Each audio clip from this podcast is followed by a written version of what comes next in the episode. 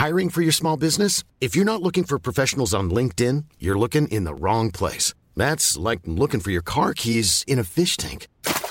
LinkedIn helps you hire professionals you can't find anywhere else, even those who aren't actively searching for a new job but might be open to the perfect role. In a given month, over 70% of LinkedIn users don't even visit other leading job sites. So start looking in the right place. With LinkedIn, you can hire professionals like a professional. Post your free job on linkedin.com slash people today. Millions of people have lost weight with personalized plans from Noom. Like Evan, who can't stand salads and still lost 50 pounds. Salads generally for most people are the easy button, right? For me, that wasn't an option. I never really was a salad guy. That's just not who I am. But Noom worked for me. Get your personalized plan today at Noom.com. Real Noom user compensated to provide their story. In four weeks, the typical Noom user can expect to lose one to two pounds per week. Individual results may vary. Since 2013, Bombas has donated over 100 million socks, underwear, and t shirts to those facing homelessness. If we counted those on air, this ad would last over 1,157 days. But if we counted the time it takes to make a donation possible, it would take just a few clicks. Because every time you make a purchase, Bombas donates an item to someone who needs it. Go to bombas.com slash ACAST and use code ACAST for 20% off your first purchase. That's bombas.com slash ACAST, code ACAST. Det är lite lättare för dem också. De jobbar dygn, de har tid att stå och baka och laga mat Mm. tillsammans och hålla på. De hinner ju... De hinner ju... De, nej men alltså jag... Nej men lugn nu här. Nadde. Ut, Nej, utly, utlys gärna, absolut utlys gärna har ett blåljuskrig här i podden. ja, Och vi är ofta där och... Smäda inte hjältarna nu. Jag smäd... Jag, det jag konstaterar, En- jag en faktiskt våra deltidsbrandman. Jag vet hur det går Vad till på fan är brandstation. detta? Eh, De har, de, har, de har inte fullt upp. De, Mycket de har innebandy tid att laga mat och träna varje pass, så de hinner fixa sitt fika. Tänk nu Nadde om din katt fastnar i ett träd. Vem ska komma och plocka ner den åt dig nu då? När du har sagt sådär. Nu ska inte, nu ska inte du spä på det här som att de är en jävla kattplockare. Det var inget hån. Jag bara konstaterar att de har mer tid över för att stå och baka Silviakaka och ta med sig ut. Ja, exakt. Det är ju därför exakt. de inte vill bli av med den här dygnsgrejen som de håller på och Ja. pratar om nu. Ja. Men det har ju ingen tagit jag upp till älskar Det, diskussion. Brammen. det är jättebra. Rädda mig om jag krockar någon gång. Varför de inte vill det. Ja. Jag känner lite brandmän Jag tar så... avstånd från Nadde här. Nej, jag vill vara tydlig. Jag tar avstånd. Det här är inget som jag står bakom. Hur var det här då? Hur var det här då? Hur var det här då? Hur var det här då? Hur var det här då? Hur var det här då? Åh, det var en härlig låt. Det är ju sommarkänsla nu. Nu är det sommarlov för alla barnen och eh, välkomna till podden då. Hur var det här då? Och sommarlov har tydligen Peppe börjat med ganska tidigt för han har ju börjat med att ha semester. Men tydligen så, så har han inte så mycket semester för telefonen ringer stup i kvarten tydligen. Varför gör den det Peppe? Ja, men jag har ju valt att ta en eh, tidig semester i år och eh, den ligger ju tajmad eh, samtidigt som våra aspiranter eh, som nu gör sina sista veckor börjar få sina eh, besked om de kommer bli godkända, underkända eller förlängda. Och då är det ju några som i, eh, i detta har fått lite tråkigare besked och hör av sig och vill ha hjälp. Så nej, det var inte jättetaktiskt eh, den här sommaren. Men eh, så får det vara och hjälp ska de givetvis få. Men vadå? Har de fått tråkiga besked att de inte håller måttet och så ska du ändra på det eller vad? Nej, men det är ju framförallt de som är förlängda och underkända då. Ehm, det är ju inte alltid eh, som de delar bilden och eh, tycker att saker och ting kanske inte har gått rätt till. Och då försöker vi hjälpa dem att ja, men kolla på lite bedömningsunderlag och eh, för de som blir förlängda eh, så försöker vi då göra så att eh, förlängningen blir så bra som möjligt så att de får de förutsättningar som, som krävs och eh, som eh, arbetsgivaren eh, har en skyldighet att tillse. Vi helt enkelt eh, försöker ge dem de bästa förutsättningarna så att de förhoppningsvis om några månader blir färdiga poliser. Sitter du där med 800 lunter framför eller? Nej, men i och med att jag föreläser för dem när de ska gå ut på sin aspirant så är det ju många som hör av sig. Och sen så hjälper jag dem med, med lite praktiska saker och, och om inte annat så fördelar jag det, eller fördelar. Det är ju, det är ju de ansvariga ute på looporna som rent fackligt hjälper till. Och eh, då brukar jag bistå med lite namn och nummer och sätta dem i kontakt med rätt person och så vidare. Det var lite nytt eh, upplägg i år. Vi, fick, eh, vi har, ska ha två sommarbarn får man ju inte säga. Men de kommer att förstärka oss i sommar. Två som just nu är aspiranter som blir färdiga polisassistenter. Då blir det våra, eller vi gruppchefer som fick ringa och eh, erbjuda dem anställning. eh, De här eh, nya. Det har jag aldrig gjort förut. Så jag fick ringa och erbjuda dem anställning under förutsättning att de klarar aspiranten och att de anses lämpliga. Och så fick jag ge dem sitt, ett löneförslag. Oj. Udda. Sånt brukar inte vi göra. Hur kommer det sig att man lägger ner det på er och, och inte som tidigare? Nej, jag vet inte. Eh, HR eh, hade väl eh, andra saker de tyckte att de skulle göra. Så att de kunde lägga det lite på yttre operativ personal istället. Ja, okej, okej. Ja, alltid lika gött när aspiranten är över och de kommer ut och förstärker. Det behövs ju verkligen. Ehm, Fick du en god känsla då? Ja, nej, men det är ju det är väldigt härligt i största allmänhet att ha med eh, aspiranter och nya poliser att göra. För de är ju så otroligt eh, entusiastiska och glada och trevliga. Och, eh, man, ser ju, man känner ju igen sig själv där, hur man själv var när man var ny. Att man bara, bara kastar sig ut och tar in allting. Och, så, nej, känns spännande. De verkar goa och bra. Trevliga. Att, eh, Det rinner- nog låter gött. Det rinner av dem. Det, det är faktiskt en sån jävla energiboost när det kommer ut nya drivna, hungriga kollegor. Det är så jäkla gött att, att se och uppleva. Det är, ja, man blir glad varje gång. Det är ju ett ansvar också. Det är lite som barn där. De kommer ju göra lite som vi gör där. Så att man, kan ju, man får ju försöka föregå med någon form av eh, gott exempel där. Absolut. Peppe, Absolut. kan du bara förklara lite eller förtydliga det? Du pratar någonting om förlänga. Vad menas med det? Ja, men aspirantutbildningen är ju sex månader. Eh, och efter det så tas då ett beslut eh, om du blir godkänd eller inte. Eh, blir du godkänd så, så är du ju då färdigutbildad polis. Blir du underkänd så, eh, så är du underkänd. Då kommer du aldrig mer kunna söka in till polisutbildningen eller bli polis. Eh, sen så finns det ju de som inte riktigt har nått upp till liksom gränsen för godkänt. Eh, där myndigheten då fortfarande säger att nej, men det, finns viss, eller det finns potential att de ska bli godkända. Men att man vill pröva dem då under några månader till och då, då är det en förlängning på mellan två till sex månader. Okej. Och då är det ofta på den delen då som man är underkänd på. Och inte sällan så är det ingripande delen och det brukar ligga kring, ja men oftast tre, fyra månader som man blir förlängd. Okej. Det är väl det vanliga skulle jag säga, tre kanske. Eh, och då, då eh, så tas det ett, ett nytt beslut Ja. efter det helt enkelt. Bara, alltså jag blev lite förvånad när du sa det, bara ta det sista, sista jättesnabbt här. Eh, om man inte klarar aspirantutbildningen, är man helt körd då för all framtid att bli polis alltså? Jajamän, Är det så? då är chanserna, ja, då är det, då är det rökt helt och hållet tyvärr. Jävlar, det var tuffa bud. Ja. Däremot så skulle man ju kunna bli civilt anställd, alltså eh, inte en polisiär anställning utan en, en civil anställning inom myndigheten. Säg då till exempel att du har varit riktigt duktig som, som utredare till exempel, men du, är, du har inte materialet för att vara, vara, jobba i yttre tjänst. Då skulle man kunna anställas civilt. Ja, okej. Eh, och det händer ju då och då, ska sägas. Gör det? Aldrig hört Ja, talas om. absolut. Jo, ja, men det, det, det görs. Jag tror de lommade iväg och inte vill bli- sedda där igen. Så skulle jag känna. Ja, nej, men då, det är väl lite olika hur man ser på det. Alltså, har man haft som mål att bli utredare, men då kanske det inte spelar så stor roll egentligen om du är polis eller civil. Utan då ser de fortfarande chansen att eh, kunna göra det de alltid har, har velat, om man säger. Men, men jag förstår din känsla, Victor. Jag har nog också känt så här att fan, nu sket det sig. Men ja.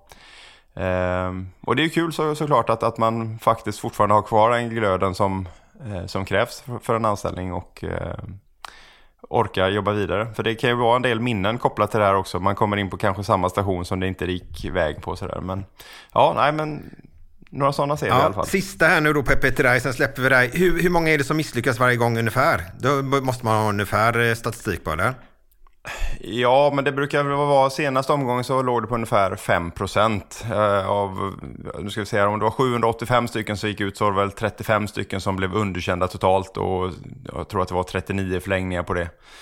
Eh, Så det är några stycken. Ja. Ehm, Spännande. Det är det. Mm.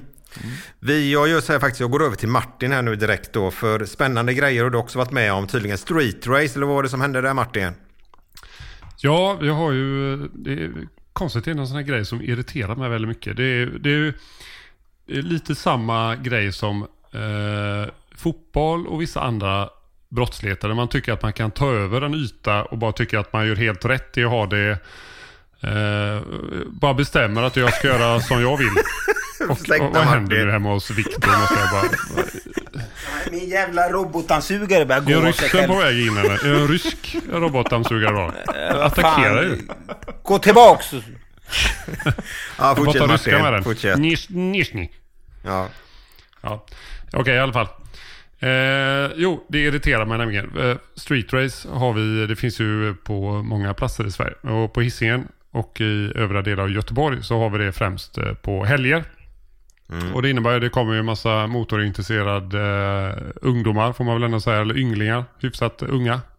Runt 20 känns som de flesta är. Och så kommer ut i olika typer av bilar och så fullständigt tar de över en gata. De stänger av eh, E6 genom Göteborg till exempel. Och så sätter upp eh, lampor och kameror och så har de illegala race på vägen där då. Och Stoppa trafik och det finns ju uppmärksammat att man har stoppat eh, räddningstjänst. Och nu var det så i helgen, då var det en stor brand ute på eh, vad var det Björkö va? Någon av öarna i alla fall. Eh, på Eh, Där eh, polisen skulle ut eh, och räddningstjänsten. Och då var det ett sånt street race utan, ute i eh, Torslanda. eh, Där de hade stängt av den vägen, enda vägen som leder fram till bort mot eh, färgerna. Och då när polisen kom fram och eh, körde med sirener och blåljus så vägrade de flytta på sig. Poliserna klev ur och sa att de var på väg till ett larm. Att vi har bråttom fram. Och då sa de att nej, det säger ni bara för att ni ska sabba för oss. Ni måste låta oss ha lite kul. Och så kom räddningstjänsten och blev också fördröjda där då. Så att man kom inte fram och kunde verka på de här larmet som man var på väg till. Och det Ja, när sånt sker överhuvudtaget, när man inte, jag har inte blivit hejdad på väg till något larm någon gång, utan det är mer att man kommer dit och blir hejdad, man kommer inte igenom, man kan liksom inte få dem att flytta på sig. Det är otroligt eh, avskyr när man gör så, att man tycker att man bara kan ta över och eh, bestämma så.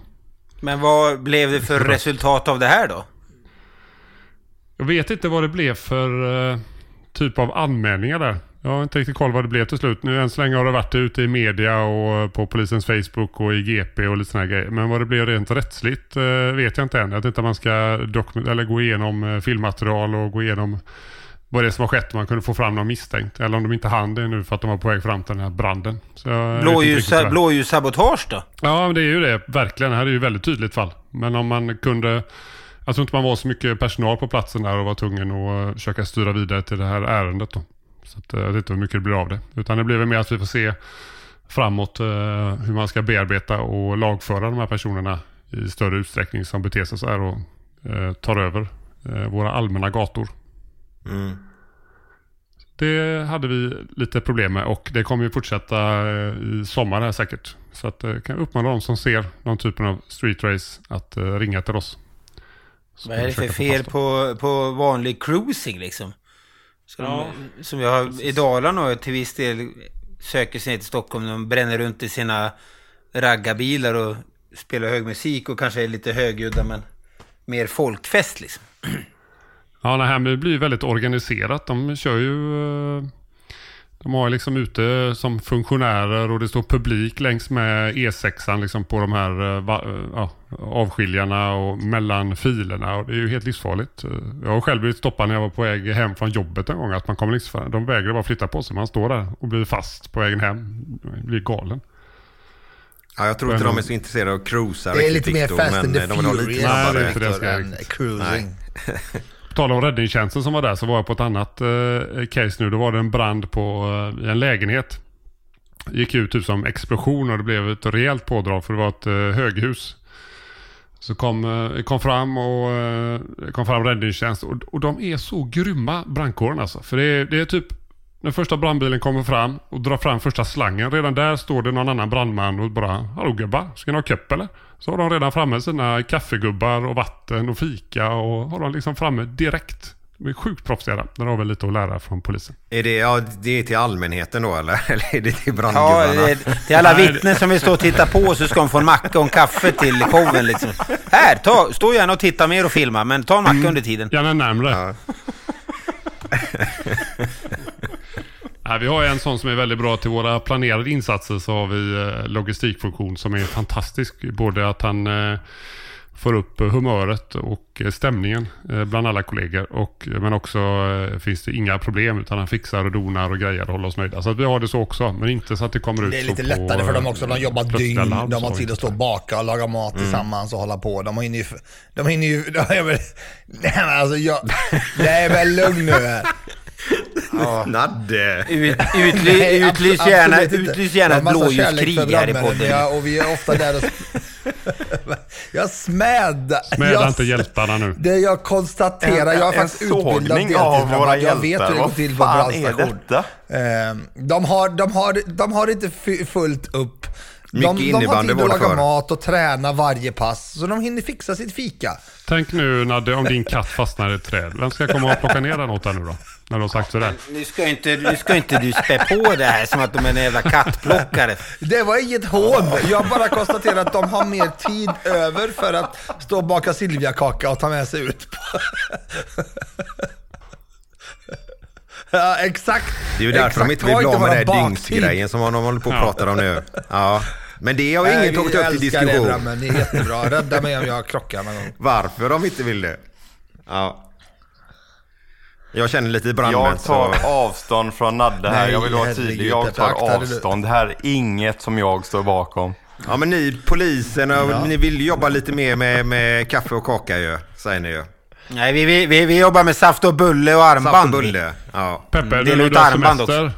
Kör du någon varierad kost nu mot hur det brukar vara som facklig? Eh, För att liksom lugna. Eller kör du samma, är det samma typ av Smörgåstårta. räkor och liksom hur mycket? Vad, liksom, låter du magen vila lite eller hur gör du? Men, men kan du bara, kan du inte ta band nummer två någon jävla gång? Du kör ettan på repeat bara. Nej men nu ändrar jag på det. Bandet nummer Nej, två, då blir det golf. Det han inte sätta på det bandet.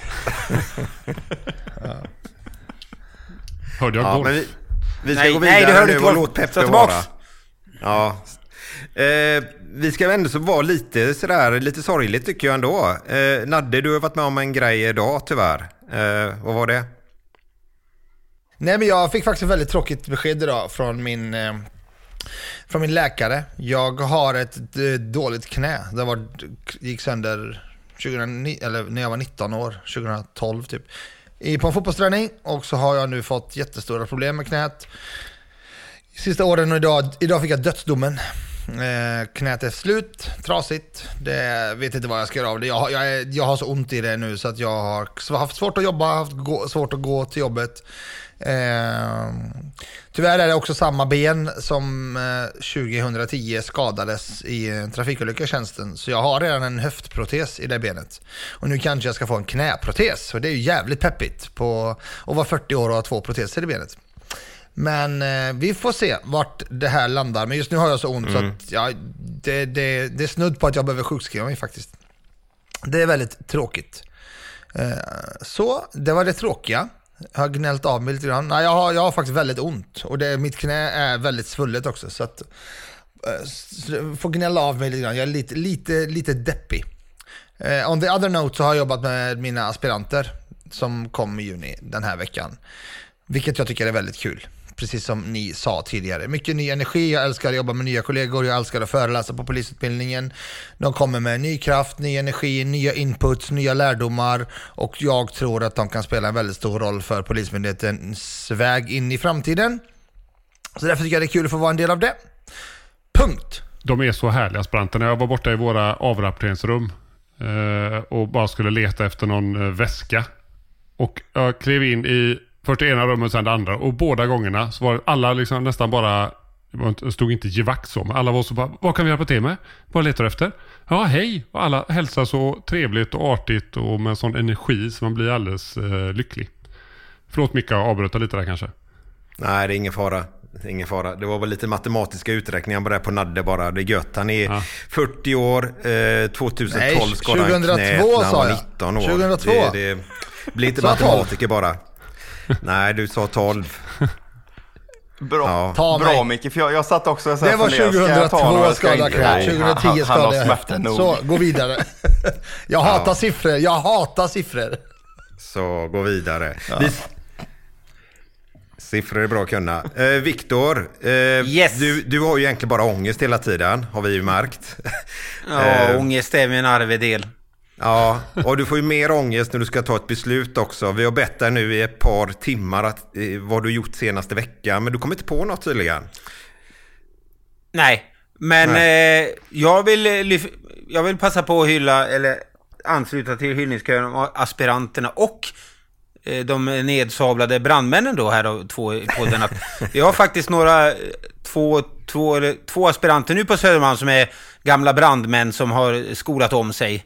Och då är en njutning, det är Ja, det, ja, men de är självgående och självspelande liksom och eh, kan re, hälften redan liksom. Och när de pratar i radion då får man inte det här eh, rävylet som vi brukar säga när de orutorna och trycker in och så för att de har för hög monofonen för högt på sin egen radio utan det är liksom man behöver liksom ja, bara följa med och, och väldigt framåt och på så att eh, jag säger att det, bakar, det här är personer som inte bara har stått och bakat en jävla kaka och fått fatt i någon katt uppe i någon gren, utan det här, är- de har jobbat i blixtrande blåljus och rök och eld och allt möjligt.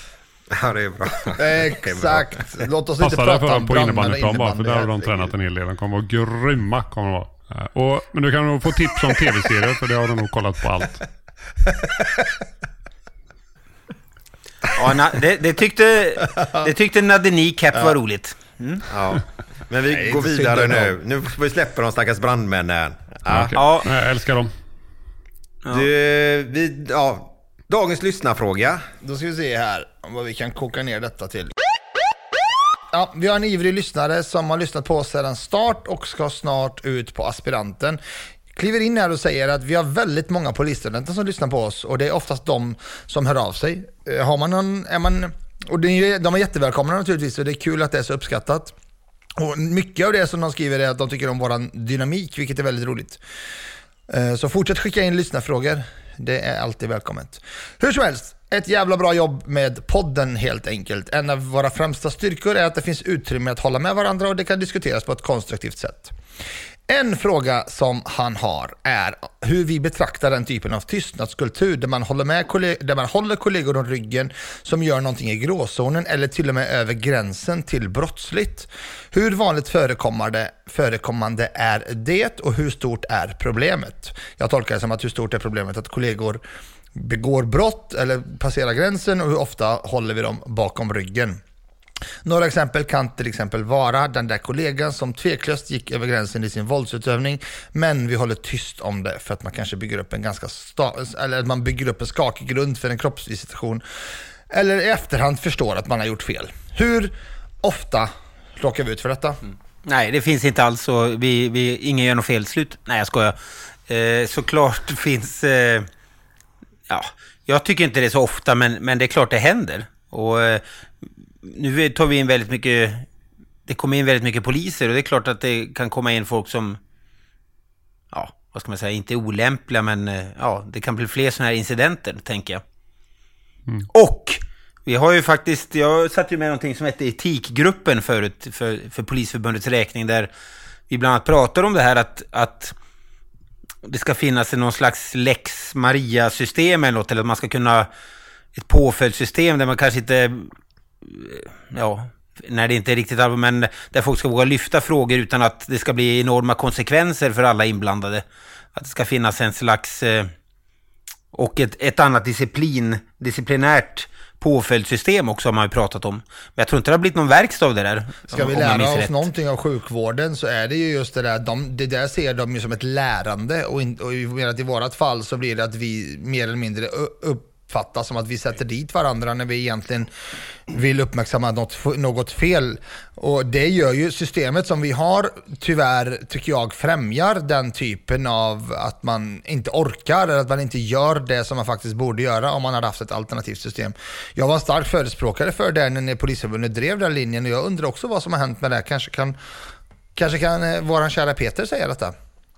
Ja, men det har tyvärr inte hänt så mycket som, jag kan ju bara instämma, jag hade också gärna sett det här, om vi nu ska bli en lärarorganisation och faktiskt liksom lyfta upp saker och ting som händer, så hade det spelat en stor roll. Eh, jag, jag vet faktiskt inte, jag får, får passa på frågan, men det har inte gått hela vägen. Eh, men den är ju absolut inte död från Polisförbundets sida, mig veteligen. Eh, så vi får väl se vad, vad framtiden har att utvisa. Är det Eh, inte jag just den att det här är anmälning så att vi har anmälningsplikt för brott? Så här, det blir svårt att ha ett separat system där när vi måste anmäla. Är det ett brott vi har uppfattat och då ska det ju in och liksom hanteras som, som alla andra brott. Det är inte det som gör att det blir lite svårt att ha en sidospår där? Nej, men det är väl egentligen lite också de här gråzonsgrejerna där man inte riktigt har ett brott men det kanske inte är helt lämpligt fullt ut heller. Mm. Man vet inte om det är brottsligt eller inte. Det här har någon gjort någonting som behöver tas upp. Och medan sjukvården, de gör ju lex Maria-anmälningar för fasen på sig själva liksom. Eh, och för att just bli bättre och trygga patientens säkerhet. Jag, det, jag förstår dilemmat som kan uppstå i det du säger Martin, men jag tror absolut att det finns vägar runt det om vi vill bli bättre. Nej, men jag tror, jag har inte upplevt liksom, eh, regelmässiga eller riktiga brott. Har jag inte, kan jag inte liksom minnas att jag har upplevt att någon verkligen har gjort så här som man verkligen kände att det där var en misshandel eller det där var något brott. Däremot så har jag ju upplevt att man gör liksom osmidiga ingripanden och kanske tar i vid, vid en situation där jag tycker att man kunde lösa på ett annat sätt, att man använder våld. Men det är ju, det är ju mycket är ju en annan polis uppfattning hur man ska lösa det eller vad de, eh, hur de reagerar. Men inte att det är ett rent brott, bara att det är lite dåligt, osmidigt polisarbete. Men det är ju den gråzonen som vi pratar om där som är, som är det intressanta där. När många andra kanske upplever direkt att det där var ett brott. Men det, det är ofta så blir det ju inte det. Det är ju det som, därför är det så svårt att fälla poliser också. För det är ju mycket utifrån vad man har för uppfattning hur man, hur man ser situationen. Nej, men det blir ju också lite så här att, jag tänkte på när, när Polismyndigheten Hiring for your small business? If you're not looking for professionals on LinkedIn, you're looking in the wrong place. That's like looking for your car keys in a fish tank. LinkedIn helps you hire professionals you can't find anywhere else, even those who aren't actively searching for a new job but might be open to the perfect role. In a given month, over 70% of LinkedIn users don't even visit other leading job sites. So start looking in the right place. With LinkedIn, you can hire professionals like a professional. Post your free job on linkedin.com/people slash people today. Millions of people have lost weight with personalized plans from Noom, like Evan, who can't stand salads and still lost 50 pounds. Salads, generally, for most people, are the easy button, right? For me, that wasn't an option. I never really was a salad guy. That's just not who I am. But Noom worked for me. Get your personalized plan today at Noom.com. Real Noom user compensated to provide their story. In four weeks, the typical Noom user can expect to lose one to two pounds per week. Individual results may vary. Upplever någon annan, när man tänker att det här är ju brottsligt, då, och så blir det anmälan, då är ju rutinen, och den ordningen ska väl eh, vara att då blir det pang bom, då blir det liksom eh, enheten för polismål och centrala utredningar och då lyfts ju allting bort till en helt fristående eh, och sen rullar det på. Och sen i slutändan så när den utredningen är klar då sitter väl den här nämnden i i PAN där och uttalar sig om någon ska få behålla jobbet eller vad det ska bli för påföljd liksom. Och det är väl det som är... ESD eller inte. Ja, men det blir ju liksom lite... Allt hamnar ju där. Så fort det är mm. brottsligt. Och det kanske ska vara, men, men som du säger, alla de här ja, olämpliga beteenden som inte är bra, eller man ska säga, Mm. eller som, men som inte riktigt når upp i det brottsliga. Nej, precis. Och så Eh, dröjer det det, ett där- halvår eller ett år och så, så blir det inget av, något lärande av det. Utan det bara blir någon till slut frikänd och så, ja, så har man inte Nej, lärt och sig sen, någonting där. sen, kan jag, lite så här, det kan ju anmälningar, jag har blivit anmäld många gånger, framförallt via det här, när det inte varit brottsligt, utan man har haft synpunkter på med- mig i sociala medier och twittrandet, och då, det får man ju inte reda på förrän plötsligt man får ta del av att, ja, den, den här anmälan gjordes mot dig och, och nu, det här är resultatet, så nu delges du på slutet så du vet om att det har varit med, men under resans gång har man ju inte ens vet, vetat om det här liksom. Vad, ja, och sen så får man, det blir inget lärande av det annat, jaha, någon tyckte jag var olämplig och eller vad det nu kan ha varit och eh, man har kommit fram till att det inte blev någonting av det här. Här får du svart på vitt, hej. Men lite, vi har varit inne på det lite här, just att det kommer många nya kollegor och, och eh, tjänsteåren på ingripandeenheterna framför allt är ju ganska låg. Det finns ju en farhåga att det skapas liksom en machokultur eh, och det kan vi nog alla skriva under på att, att vi är ju inte samma poliser idag som vi var när vi kom ut nya. Och här är det jävligt viktigt att vi som har jobbat ett tag, eh, när vi ser den här dåliga kulturen eh, som föds, ibland ska sägas, att vi liksom markerar hårt att fan vi, vi ska se oss själva i spegeln när vi går och lägger oss. Vi ska fan inte hålla på och dumma oss som, som eh, de kriminella håller på. Vi ska fan vara, vara bättre än så. Ehm, för det, det finns de exemplen där man hör liksom, eh, ja men aspiranter kommer ut och så, så är det ett, ett, en star, ett starkt turlag med unga kollegor, allt som oftast eh, unga killar i, i, i ung eller i, med, med få tjänsteår som har skapat liksom en, en eh, osund kultur. Och så har- är de starka i det turlaget och så blir det liksom... Eh, nej, det blir, det blir riktigt dåligt. Och, och där är det ju viktigt att, att vi som har jobbat ett tag markerar mot det. För det, så där, alltså, vi ska vara fan så mycket bättre än så. Och det finns ju väldigt, det får man ju komma ihåg, det finns ju rätt många exempel. Det har väl varit uppe i Uppdrag granskning och sådana här saker. När de som har eh, slagit larm, eller vad man ska säga, då har istället de ansetts vara problemet. Och, eh, och blivit flyttade på eller känts utfrysta och sånt där. Och det, det blir ju en os, det är ju osund kultur. Då har man inte det här att man kan... Eh, eh, det är inget lärande, utan då är det ju snarare titta på idioten som tjallar liksom. Förstör stämning och kommer med massa märkliga påståenden. Den kan vi inte ha kvar. Framförallt så är det jävligt själviskt. Man sätter ju yngre kollegor i rätt osköna situationer. Sen, sen vill jag betona att det här är inte speciellt vanligt, men det det, med tanke på att jag ändå har bra kontakt med våra, våra aspiranter runt om i landet så kommer det ja, men då och då eh, sådana här eh, historier. Och det, det är lika tråkigt varenda gång. Eh, Nej, det...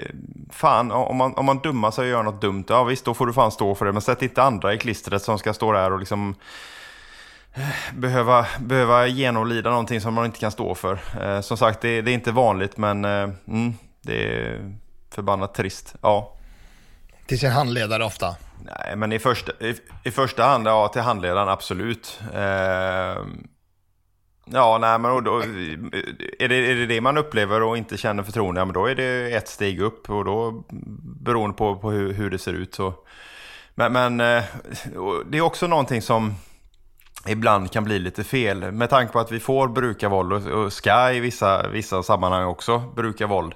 Eh, den gemene aspiranten har ju ofta inte eh, vare sig slagits tidigare eller liksom varit med om tuffa, hårda situationer. Och hur man än vrider och vänder på det, våld ser aldrig bra ut. Eh, Och då kan de ibland hamna i situationer som de upplever var liksom way för mycket. Men sen när man liksom benar ut och vad, vad var det som hände och vad var det som gjorde så, så visar det sig att det var fullt legitimt. Det var liksom inga konstigheter. Men jag, jag, jag förstår att många aspiranter hamnar i den känslan att fan, här, här, här var det övervåld. Jag här vi gick över behöver fastna aspiranterna just. Här, frågan är ju riktad egentligen till oss. Och det, det, som, är, det som jag tycker är lämp- eller som jag tycker man har lärt sig genom åren, det är ju att jag var ju inte alls lika tuff eller självsäker eller trygg att jag kunde ställa mig upp och betona någonting som jag tyckte var fel. Jag såg, man såg ju felaktiga beteenden hela tiden under sina första år. Även om inte allting var brottsligt så var det ändå ett beteende man inte skrev under på. Idag skulle det aldrig, aldrig hända att jag inte skulle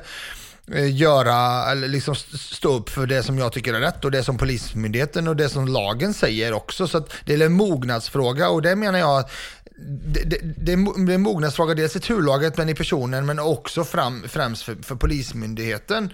Eh, vilken typ av kultur vi vill odla och vilka kulturbärare vi har. Jag menar vissa turlag har ju kulturbärare som har liksom varit i turlagen i 20 års tid. De är inte jättemånga, men de är sådana som du. och Oftast är de bland de bästa vi har. För att de är med och formar den nya. Men, men så att jag tror att det är en, det är en trygghetsfråga också i den nya polisen, eh, eller polis, eh, ja, den nya polisens trygghet liksom och vad den, hur mycket plats och sådär den vågar ta. Jag menar, jag har ju aspiranter som eh, jag vill påstå rätt ofta lyfter saker och ting med mig som de tycker, precis det som Martin sa, jag hade inte löst det på det här sättet, jag hade löst det på ett annat sätt och så resonerar man sig fram till det och två poliser löser sällan en, samma situation på samma sätt. Det är resonemanget som är, där i består det lärandet men i de samtalen så kan det ju faktiskt framkomma saker och ting som man kan uppleva, men det här kanske kan vara brottsligt liksom och då har man ju skyldighet att, att faktiskt agera på det. Det är också svårt att, att bara skita i, tyvärr ska man säga, för att det är oftast måste man ju göra det man måste göra liksom. Jo, det är ju absolut inte svårt. Idag hade jag inte haft några problem, men jag tror inte att, att jag som ny...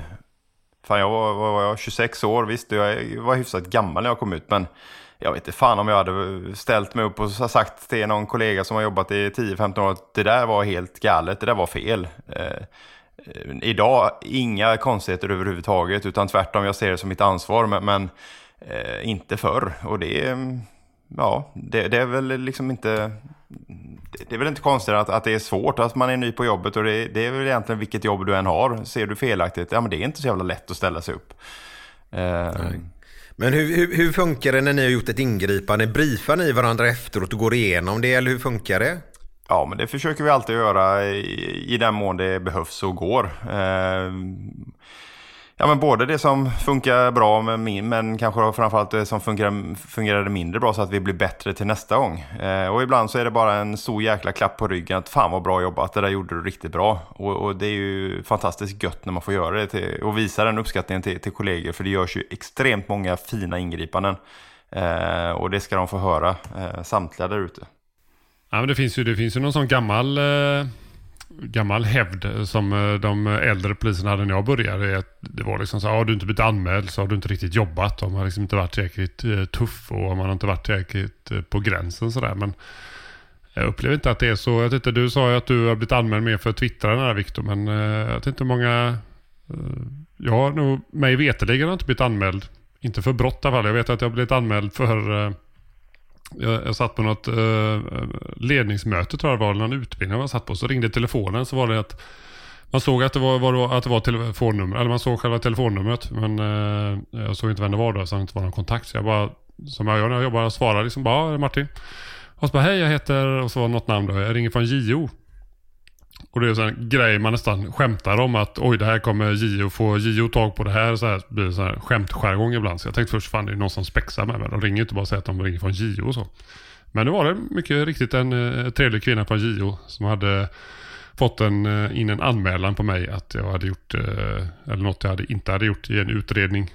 Så jag fick eh, förklara mig och sen så kom eh, några veckor senare så fick jag JOs beslut att de inte hade någon eh, kritik Eh, så det är den enda anmälan. Sen kan man, sen kan man ju varit anmäld eh, såklart utan att det blir någonting som vi var inne på lite innan. Att blir det inte någon, inleds inte någon förundersökning eller blir någon mer utredning så, så blir det inget mer av det så att säga. Hur är det med er andra? Är det något ni vågar prata om? Med anmälningar?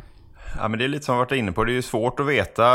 Eh, allt som oftast, om, om, när man är anmäld och det inte blir någonting så, så får man ju inte reda på det. Eh, mig veterligen i alla fall. Sen har jag ju varit några gånger på interna för, för vittnesförhör och liksom hörs upply, upplysningsvis och sådär. Men, men inte som misstänkt någon gång i alla fall. Man har ju som tur var inte blivit anmäld lika många gånger som folk säger det i största allmänhet. Så att jag ska anmäla dig, säger de mer som eh, liksom mitt i stridens hetta. Gärna fotbollssupportrar mm. eller något annat i krogbråk och liknande. De blir upprörda av att man eh, griper deras kompis eller omhändertar någon eller gör någonting.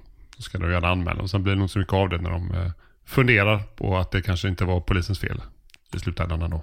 Men det märker ju man när man sitter inne i receptionen eh, som vi gör lite då och då. Eh, då kommer det in lite folk som ska anmäla poliser. Um, och det är ju allt som oftast, eh, ja man tycker att det har brukats för mycket våld. Uh, och, och, ja men 98% är ju ren skit, det är ju unga kränkta människor, uh, allt som oftast. Som inte förstår att med sina skyldigheter så, så finns det också, eller med sina rättigheter så finns det också skyldigheter. Och de tycker ju och, de tycker och känner sig kränkta men det, det leder ju liksom ingen vart. Det är ju noll substans i stort sett alltid. Mm. Eh, men på, sam, på det temat, jag hade en jävligt rolig grej här för, och nu är det några år sedan, kom in en, en, eh, en som skulle anmäla eh, att han hade, ja det var övervåld helt enkelt. Och så är den här personen ensam ute i reception, jag kommer ut och hämtar personen. Eh, och sen så, eh, ja, så ska de beskriva vem det är. Och då säger han, ja men personen är ute i reception. Jag bara, nej, det, är, nej, det finns ingen polis ute i reception. Jo, jo, personen är ute i reception. Så jag bara, nej, det finns ingen. Men det slutade med i alla fall att vi gick ut till reception. Och då, då är det jävligt roligt. Då hänger den här kollegan på en poster i receptionen. Så var bara så, där är han, där är han. Jag bara okej, okay, okay, Jag var en sån som hängde på poster en gång på, på polishuset, det var svinkul. Ja, var det du? Nej, inte i Göteborg, men i Borås. Jag har gripit en kille som skulle in och polisanmäla en, jag stod i receptionen, då hade jag slitit av min hälsena 2007, satt i receptionen som stins, då hade jag så öppen reception. Det var liksom ja, var det en kille som kom in på fyllan och skulle anmäla en annan kollega och började dumma sig så in i helvete. Så jag klev ju rakt ut där över receptionen och in kommer min, nu är han avliden, ett, ett, en, en underbar gammalt inre befäl vi hade. Och ut efter mig och vi bara hängde båda två i receptionen ner för att dra ner den här snubben som var, he, han blev helt galen liksom. Det var annorlunda från anmälningsupptagning till ett grip. Eller det blev en fylleri till slut. Jag kanske blev eh, an anmäld här i dagarna om jag tänker efter eh, av någon, av någon medborgare. Varför det? Vad har du gjort? Som säkert... Nej, men... Ja. Nej, men en av våra eh, fokuspersoner som vi har på, på Södermalm som ofta... Ja, vi har ett gäng som stö, stör ordningen väldigt ofta och beter sig illa mot andra människor. Super och eh, tar knark och lever rövare rent allmänt. Och han hade vi, tog vi om hand om i helgen och då slutade med att han fick... Hamnade på backen och fick på sig handfängsel och hela balletten eftersom han inte kunde för sig. Det, det måttades några sparkar och sånt där liksom när han skulle föras in i polisbilen. Och då såg jag han idag när vi var ute och patrullerade. Då kom han gående nykter och då stannade jag till med polisbilen och hängde mig ut genom rutan då och talade om för honom att jag försökte kommunicera. Men då var han lite så här dryg och liksom skulle vara nonchig. Men då förklarade jag för honom tydligt att liksom, blir det som sist, så du vet det, då kom, att du beter dig som sist, då kommer du hamna på polisstationen igen. Så tag, tag varning liksom. Men då gick det någon kvinna förbi där och upprört stannade till och sen började ropa åt mig, visa respekt!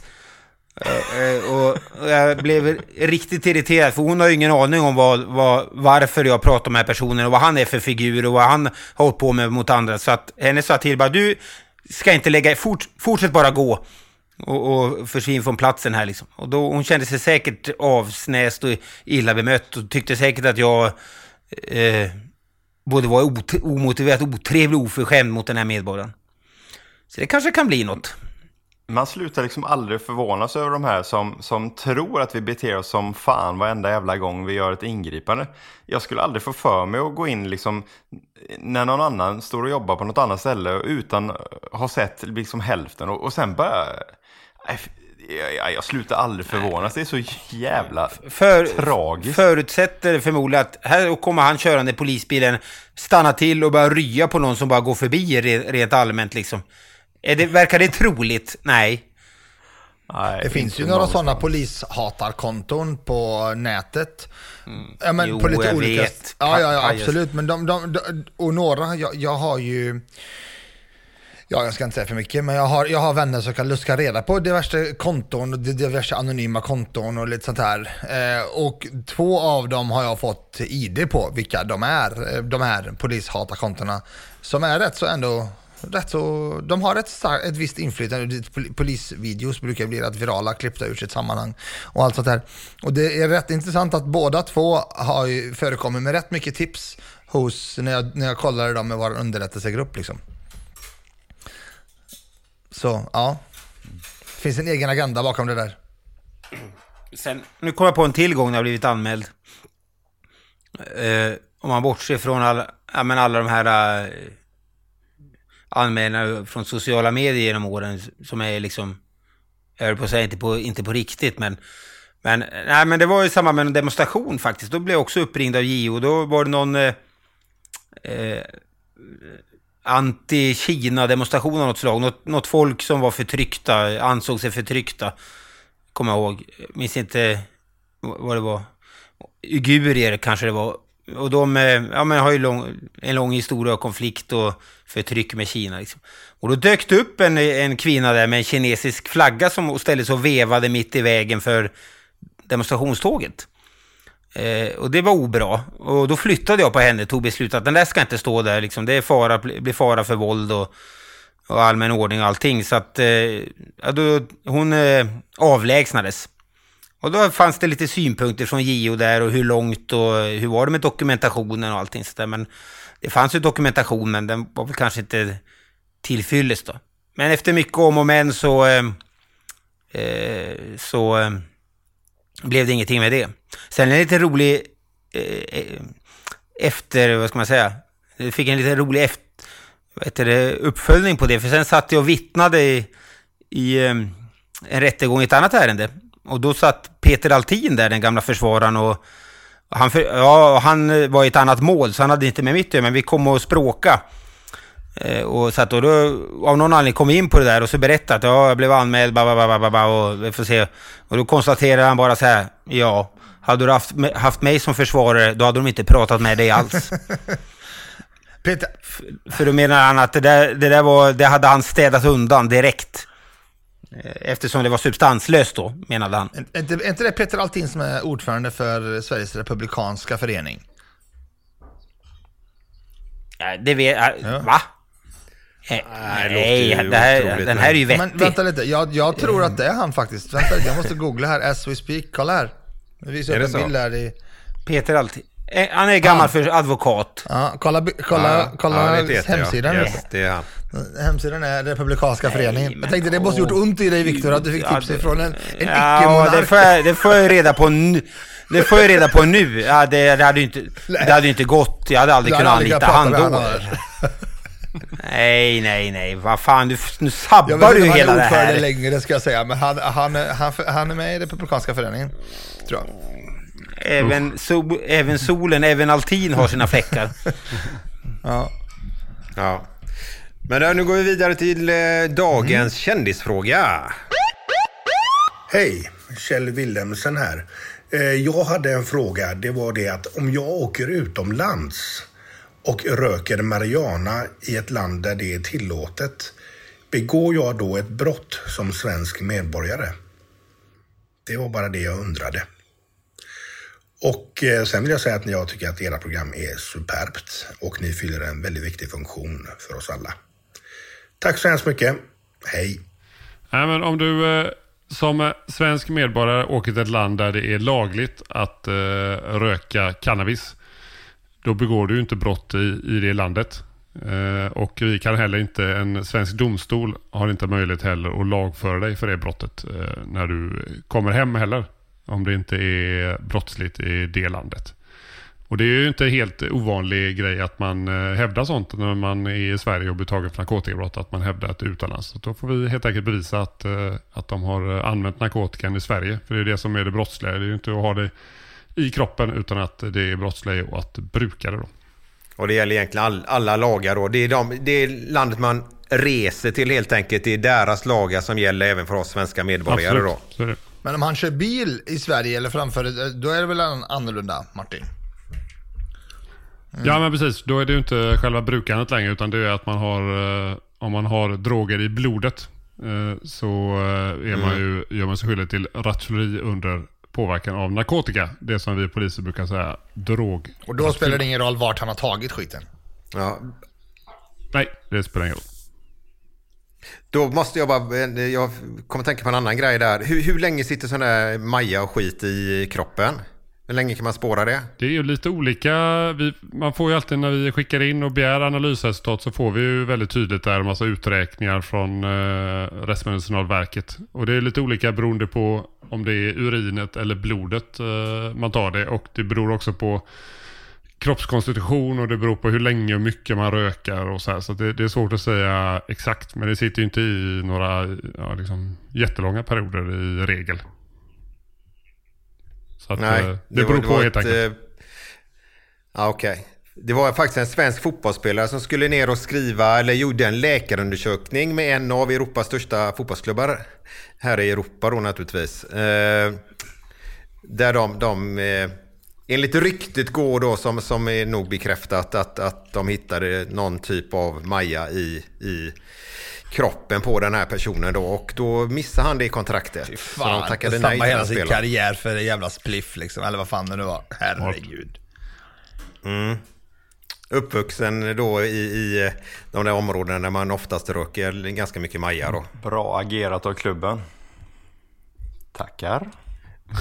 Det är lite så här, om man vänder på det när folk kommer hit så vet jag nu att när vi har haft mycket så här, ja men det kommer, eh, och mer lär det väl bli höll jag på att säga, om, om med det här alla militära samarbeten så kommer det mycket, ja så här, Eh, krigsskepp höll jag på att säga, men eh, fartyg från andra länders försvarsmakter och eh, allt möjligt liksom. Och då när det varit stora skepp, till exempel som amerikanska fregatter, vad det nu kan vara, liksom, så kommer de och då har man en li liten genomgång och träffar fartyg eller militärledningen eller befälhavarna innan och går igenom liksom så här när de ska ut på permission att här i Sverige, du får inte ens gå med en liten kniv på gatorna.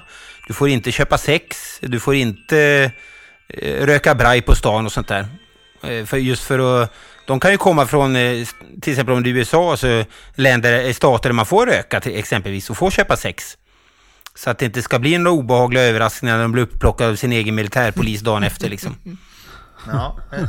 Men det är ju det är ju rätt speciellt när de kommer i land så här. Vi hade, jag ska inte säga vilket land det skeppet var från. Nej, skapa inte kriser eh, nu, nationella Göteborg. kriser. Det räcker med att vi har skapat kris mellan brandmännen. här. eh, I år kan man säga i alla fall. Då var det verkligen, man gjorde ju upp en, eh, en kedja i kommunikation och, och eh, kommunikationsvägar så här hur man skulle göra när man räknade med att eh, militärer skulle hamna i fyllecell. Så att man hade liksom helt en, eh, en riktigt sån här eh, välsmort maskineri hur man skulle fixa det fram och tillbaka och vem man skulle ringa och allting. Så det, det blir ju lite speciellt. Man har varit ute på havet ett par månader kan man tänka sig och får fri tillgång till sprit plötsligt.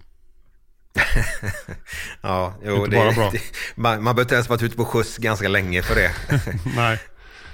Det är Så, speciellt. eh, men vi tackar ju Kjell då för den härliga frågan Kjell. Och eh, just nu vet jag att han är nere i Nevedig, ska jag ha sagt. Eh, vet du det? Italien. Kjell! Nevedig. Ja, har det gött? Ja, ja, ja. Han Nej, det är klart han inte gör. Kjell. Han spelar teater där nere faktiskt. Jo, jo. Eh, en vet man ju det är de kretsarna. Ja, Kulturkretsarna. Ja, där händer det mycket goda grejer. Ja, det var dagens avsnitt då. Det, ja, vi, många ämnen pratar vi om och det hade ju hänt väldigt mycket. Men till nästa avsnitt så kommer det hända ändå mer. För då ska vi träffas och spela in avsnittet i samma rum. Och det ska vi göra ute på härliga skärgården här i Göteborg. Styrsö helt enkelt. Och vi ska hem till Viktor. Så eh, fram till dess, nästa onsdag, så häng med så hörs vi då. Ha det gött! Hej då! Hej då! Hej då! Hej då! Hey, let's be careful out here. Ja, hur var det här då?